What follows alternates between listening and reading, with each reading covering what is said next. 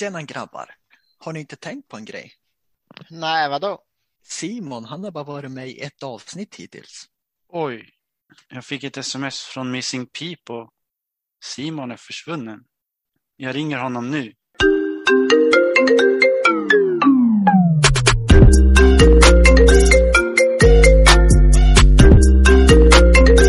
Ja, det är Simon. Var är du någonstans?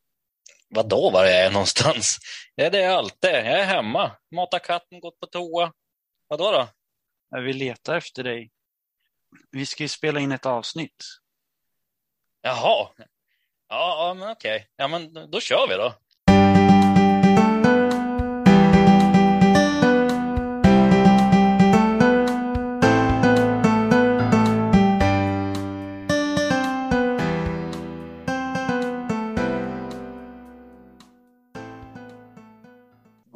Morgon, god eftermiddag och god kväll och välkomna ska ni vara till Pastorn och polarna. Podden där vi pratar om allt inom kristen tro. Mitt namn är Simon Claesson och idag är jag inte bara tillbaka, jag styr också skutan detta avsnitt.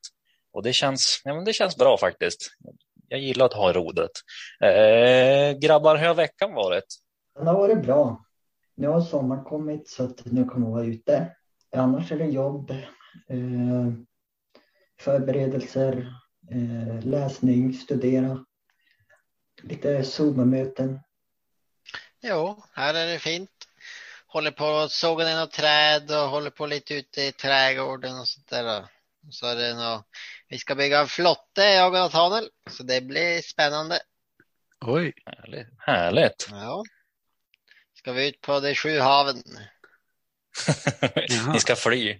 Ja, vi ska nog inte på något hav med den där flottan. Men en liten känn eller en liten sjö blir det kanske. Vi får se om man flyt. Det blir spännande. Ja, nej, jag har jobbat eh, och ja, gjort lite. Jag är brorsan med Noah så vi har gjort lite samma sak då, men, men eh, vi pysslar på lite grann i trädgården och, och såg ner något träd idag har vi gjort. Trevligt, trevligt. Adam då? Hur har du haft det? Jo, nej, det har, precis som Anton säger så har det ju varit, eller nu känns det som att sommaren är här. Annars Nästan. känns det Ja, helt ja, nästan. Helt Ja, ni har haft det riktigt varmt i veckan. Ja, det var 28 grader i skuggan på det mesta. Här har det varit kanske 20 nästan idag. Ja, Ja, det är det är lite mer lagom det. Ja, det är det. Och hur har veckan varit för Simon då? Tackar som fråga, tackar som fråga. Jag har faktiskt börjat arbetsträna, så att det känns fruktansvärt bra. Um, och sen så, det har varit sommar som sagt och eh, nej, tagit det lugnt bara. Jag är, om man känner mig så kan man väl säga att jag är känd för att ta det lugnt. Lite frisbeegolf och sådana saker. I dagens avsnitt, damer och herrar, tänkte vi prata om en av de mest inflytelserika personerna i Nya Testamentet, Paulus. Vi hoppas att vi kan lära känna honom bättre och kanske förstå mer hur han blev så inflytelserik genom sex olika saker som ni kanske inte visste om honom. Alltså jag visste det inte här i alla fall. Det mesta kommer från en bok i Bibeln som heter Apostlagärningarna. Det handlar om tiden efter Jesus och hur kyrkan växer fram. Så det blir ett väldigt spännande avsnitt. Vad säger ni? Jo, det här kommer bli spännande. Vi gör ett litet personporträtt. Det Mm. blir det ju. Alltså, ja, vi läser några texter och sen eh, ser vi vad vi kan lära oss av Paulus. Nej, precis. Men eh, då utan att dra på det för mycket så kan man ta första grejen på en gång. Nummer ett faktiskt. Innan Paulus blev kristen var hans största mål att utrota kristendomen. Och Adam, du kan ju berätta lite mer om vad som står allt. Ja, jag tänkte läsa upp ett kort utdrag från eh, när han står och försvarar sig inför en kung som heter Agrippa där han beskriver ja, hur han levde innan han blev kristen. Och det är från Apostlagärningarna 26 och vers 9 till 11. Eh, där står det, tidigare trodde jag själv att det var min plikt att gå så hårt fram som möjligt mot Nazaren Jesus namn. Jag gjorde det i Jerusalem, fängslade många av de heliga med en fullmakt jag fått av översteprästerna. Och när de skulle dömas till döden röstade jag för det. Många gånger fick jag dem straffade överallt i synagogorna för att försöka få dem att häda. Jag var så rasande mot dem att jag förföljde dem i avlägsna städer i främmande länder. Så det var ju det här Paulus gjorde innan. Alltså, eh, han berättar ju det, hur han förföljde kristna, hur han fick brev av, av eh, ledare som skulle, så att han skulle dit och utrota de kristna och, och allting. Och sen om man fortsätter att läsa, nu kommer inte vi göra det i det här kapitlet, men där står det om hur han sen fick möta Jesus eh, och sen omvände sig. Men ja, jag tänkte, jag funderar på varför ville han utrota de här kristna? För det kan man ju fråga sig. Om man läser liksom apostlagärningarna i sin helhet och så, så ser man att den här, det var en växande grupp kristna som de väckte fram efter att Jesus hade dött. Mm. Och det ansågs som ett hot mot stabiliteten, mot etablissemanget och mot det judiska ledarskapet som, som, som var där i speciellt i Jerusalem. Mm. Och det var för att de trodde på de dödas uppståndelse. Det var det som var knäck, knäck eh, eh, i det här fallet. Varför var det så viktigt, att just det med dödas uppståndelse? Alltså varför tyckte man att det var farligt? Jo, men för Jesus hade ju uppstått från de döda och eh, judarna och eh, olika delar inom judendomen eh, fanns det ju och de trodde inte på eh, någonting övernaturligt och det dödas uppståndelse. Men här, här kommer de kristna och predikar att Jesus har uppstått som de har dödat och då blir de ju eh, hotade eller liksom, vad ska, ja, vad ska man säga? Ja, men bara det, alltså Stefanus, alltså den första martyren till exempel, alltså, som vart stenad, det var ju Paulus en av dem som stod längst fram nästan. Alltså, han, ville, alltså, han ville verkligen stena. Så det är som där han började allting. Han började mm. väldigt blodigt.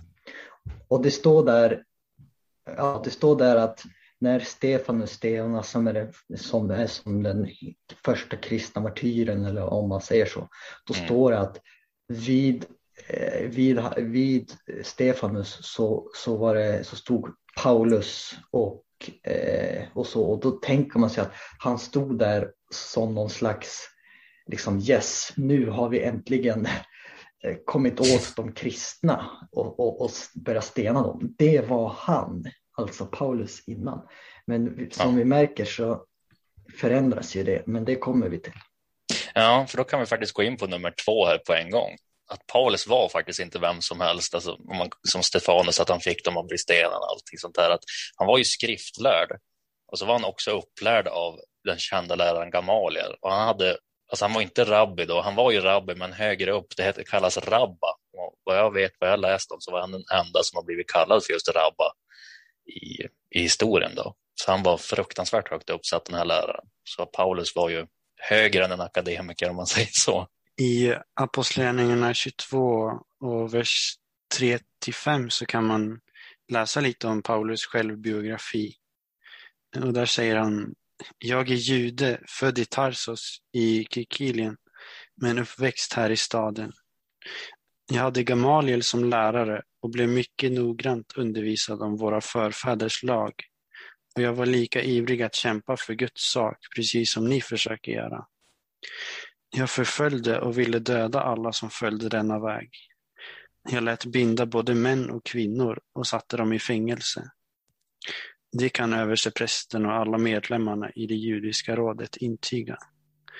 Det var också de som gav mig brev adresserade till bröderna i Damaskus för att jag skulle kunna fängsla människor där och föra dem till Jerusalem där de sedan skulle straffas. Mm, precis, det var lite av det vi har pratat om redan. Hur, hur han beskriver hur han gick tillväga. Och just det här med Gamaliel eh, är ju viktigt eftersom att om man var elev hos rätt lärare inom citationstecken så ingav det respekt och status. Så han påpekar att han var lärare hos Gamaliel och det gav honom en, eh, eh, liksom, den här stämpeln om man säger så. Och, eh, sen står det också, vi läste inte det, men, men läser och mer i Apostlagärningarna så, så ser man att Paulus, han kan både eh, grekiska och det var alltså ro, romarrikets språk eh, som var på den tiden och det är eh, att Nya kunde skriva. Han kunde också hebreiska och det var judarnas språk och att Gamla testamentet är skrivet på hebreiska så han, han kunde både judarnas språkvärld eh, så att säga och han kunde även romarrikets språk, kultur och, och allt det här. Så han var väldigt insatt i, i, i, i det. Paulus använde faktiskt sin ställning som både jude och romare för att konvertera folk till kristendomen. Adam, take it away med Bibeln här. Eh, jag tänkte läsa från Apostlagärningarna kapitel 22 och sen vers 25 till 29 som beskriver just det som Simon nämnde. Eh, men när de band fast Paulus för att piska honom sa han till en officer som stod där är det tillåtet att piska en romersk medborgare som inte är dömd för något? När officeren hörde detta gick han till kommendanten och sa Vad är det du tänker göra? Den här mannen är ju romersk medborgare.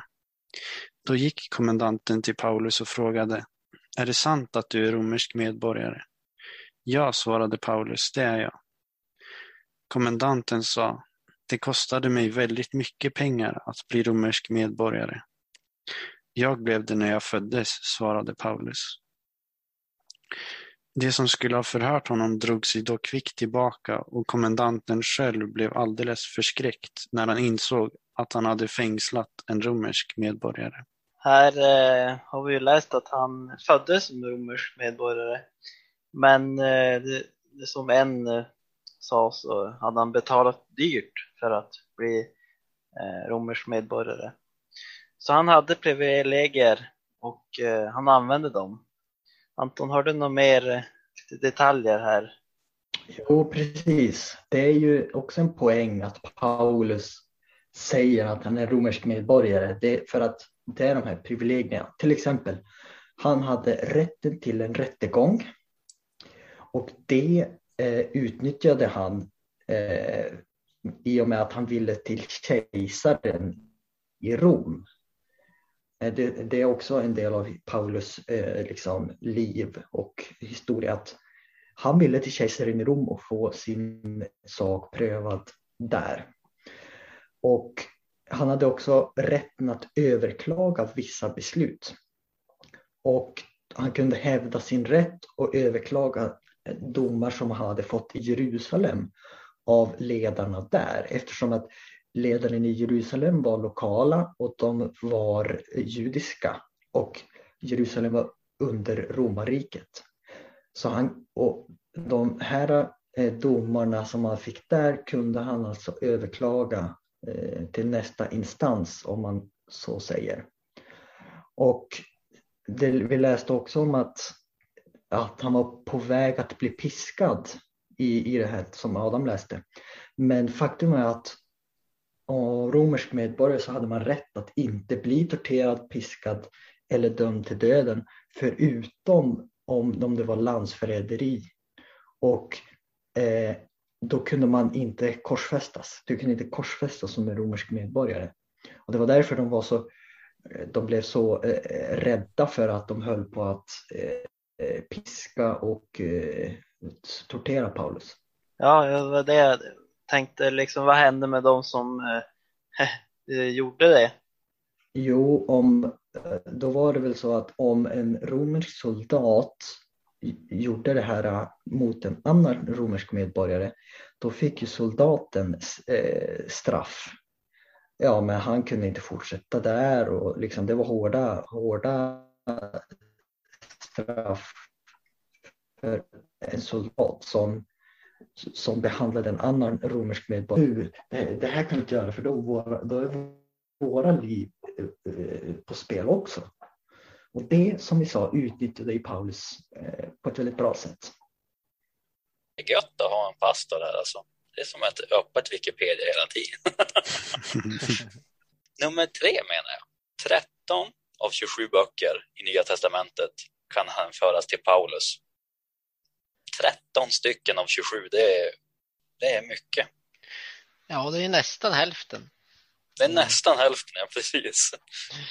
Ja, och, och där står det om eh, Guds lag, eh, nåd och döden och om eh, tillrättavisningar om missförhållanden i olika församlingar, alltså olika Eh, skrifter till församlingen specifikt.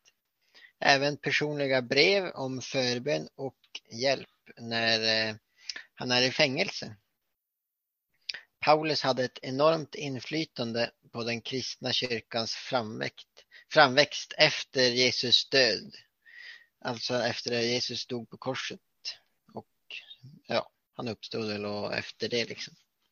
Eh, Flera tal, predikningar av Paulus fick också, blev också nedskrivna i Apostlagärningarna.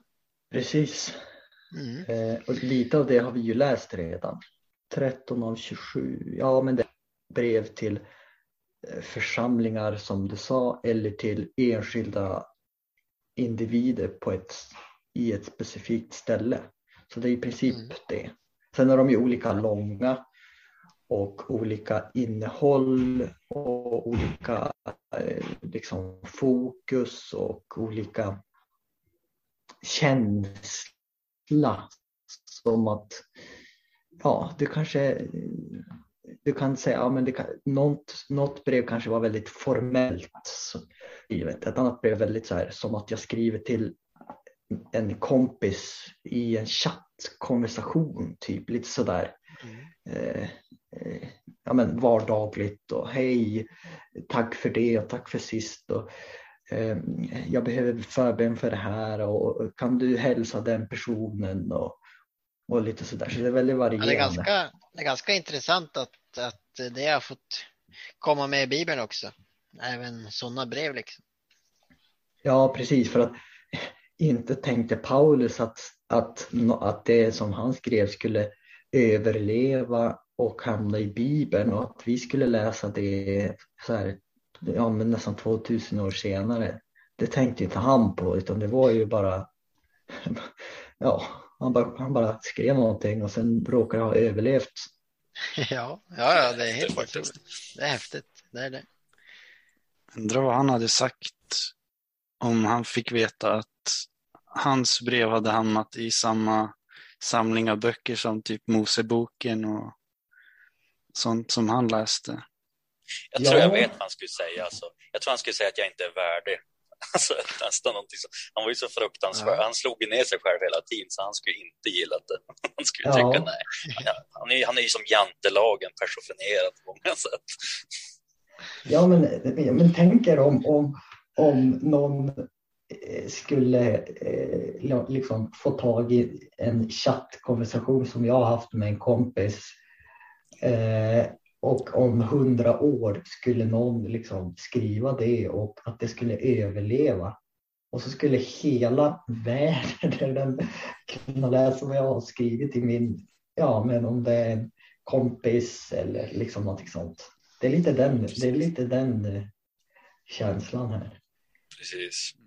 Mm. En chock. En chock. Då går vi in på nummer fyra. Och där hittade jag, det där kan man ta, det här är intressant.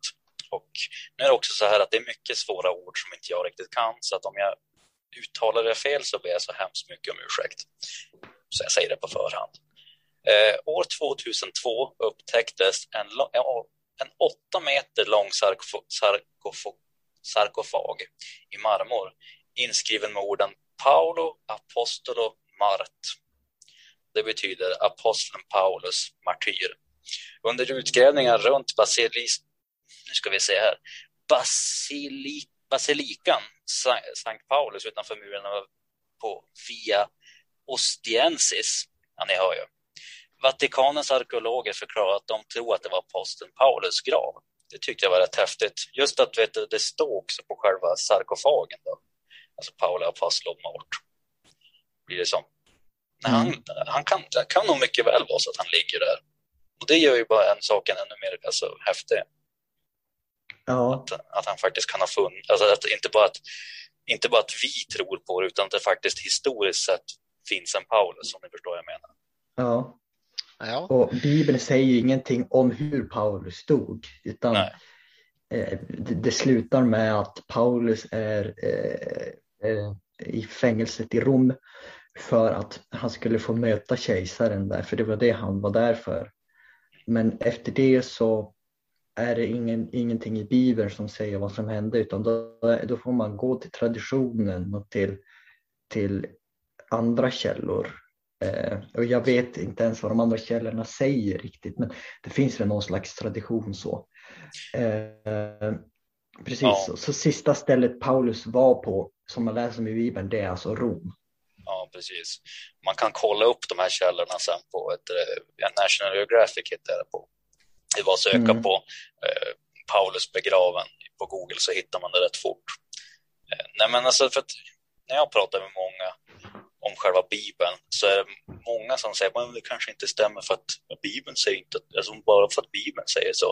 Och det blir så här, för många tror inte att det är ett historiskt dokument av någon anledning. Så att bara att någon annan säger det gör ju bara, alltså att, gör det bara häftigt att man kan gå dit och kolla liksom. Gör ju som allting mer levande. ja, och en sak som är också intressant är att det är ju liksom utgrävt i 2002. Det är liksom, det är ju nutid. Mm. Jag levde ju till och med då, så att Ja, Ja, det är precis. liksom inte, det är liksom nu. Och då är det ju ännu mer trovärdigt kanske också på något vis.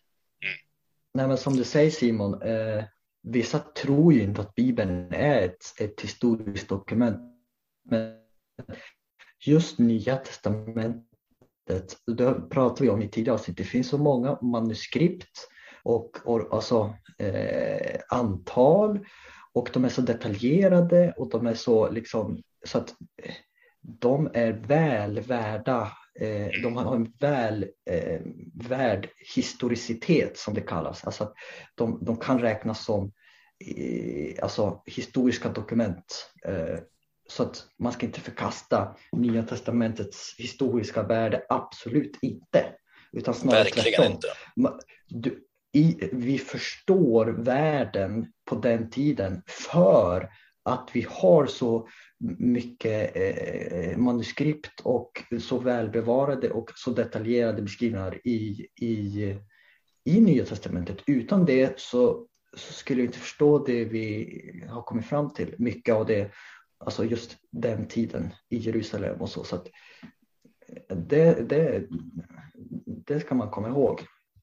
Ja, men verkligen. Det är bra att, att våra lyssnare får det, alltså de, de som inte visste får veta det nu. För då kanske man slipper höra det att det bara står i Bibeln. Så att eh, nu kommer vi faktiskt till nummer fem. Och vi pratade ju tidigare om Eh, det jag sa att Paulus var lite av en men, jantelagen personifierad. Och här kan man ju säga verkligen, för hans ursprungsnamn var faktiskt Saul från början. Men han konverterade ändrade han sitt namn till Paulus som betyder liten. Det, det var inte bara hans namn som ändrades, hela hans fokus förändrades ju.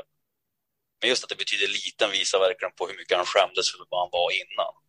Och eh, som vi sa där i början, alltså hela Paulus liv är ju, är ju den här förändringen ex, i, i, ett praktexempel. Från att gå till att förfölja kristna, stena, eh, ha auktoritet från ledarna att, att, att utrota.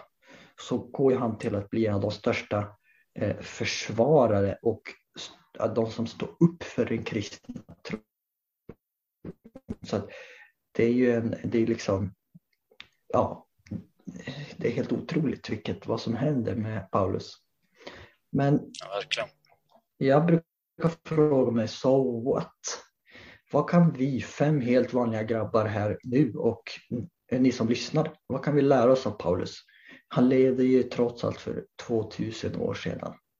Nej, men alltså, Paulus är verkligen min favoritapostel. För att, alltså, bara att, att vara brinnande som kristen, alltså, oavsett vad som hände runt omkring så var han, alltså, höll han alltid fast vid, vid Jesus.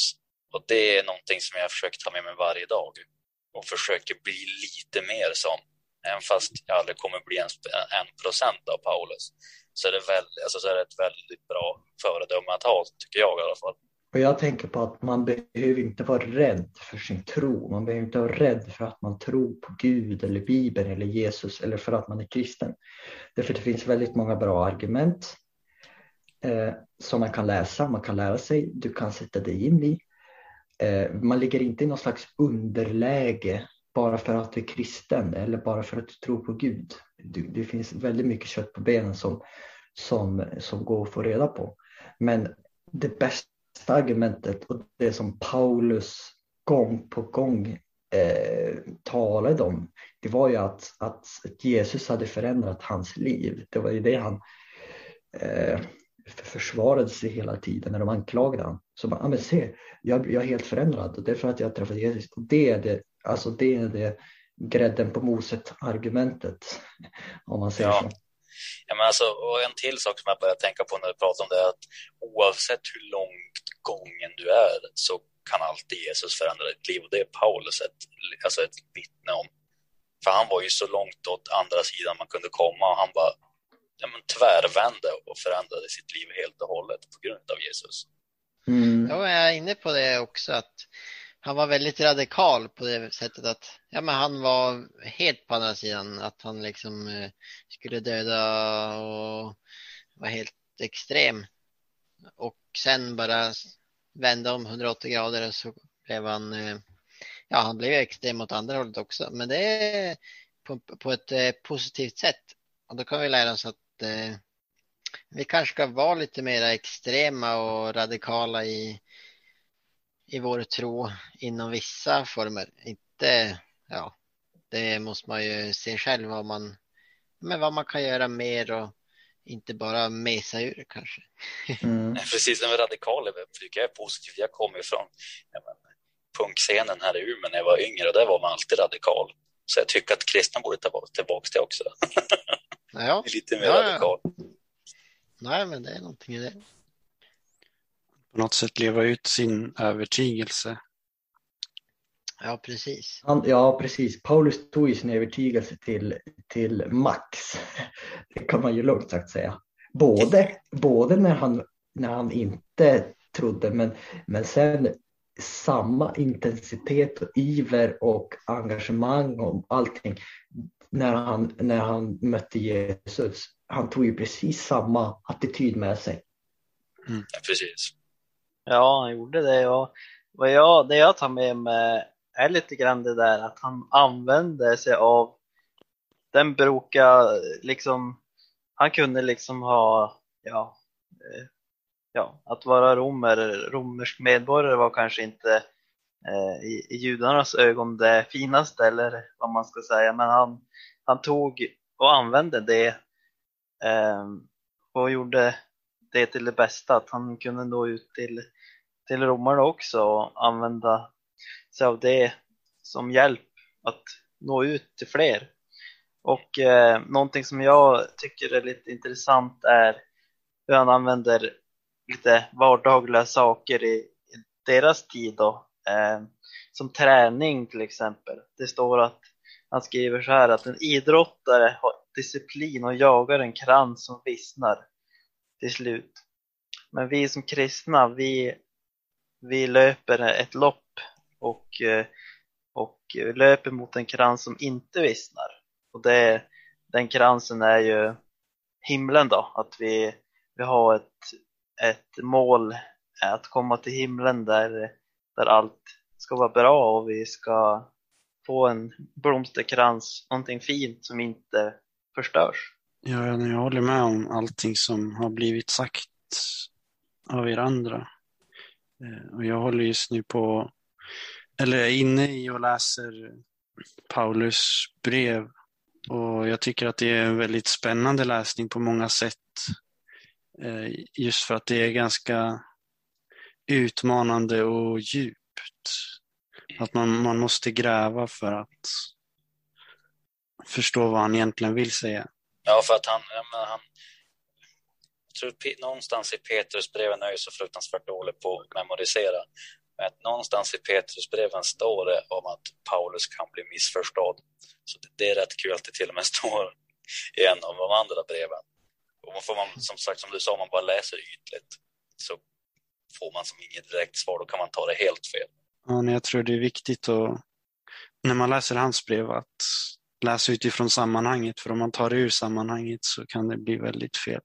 Du som är pastor, Anton, vad säger du? Alltså, man ska läsa? Ja, det är, riktigt, det, det är lite intressant det där som, som Adam sa, för att det, det absolut bästa sättet att läsa och förstå Paulus i Nya Testamentet, det är att läsa från början till slut i en, eh, på en gång.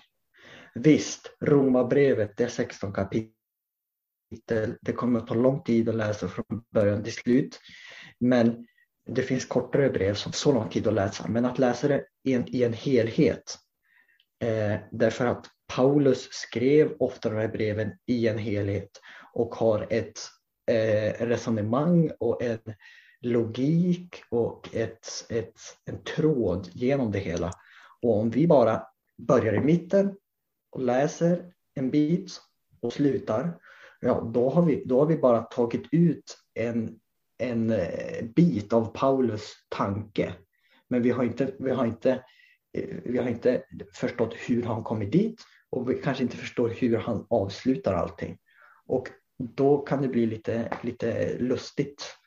Eh, ja, om man ska börja ta så, bara rycka här och rycka där. Så det bästa är bara att läsa eh, så mycket, så mycket som möjligt i så stora bitar som möjligt för att då hänger man, då hänger man med eh, lite bättre. För att problemet är ju om du läser en vers i, i till exempel Romarbrevet, om du läser en vers eller, eller en vers där och så nästa vers och sen ska du försöka pussla ihop allting utan att ta hela resonemanget.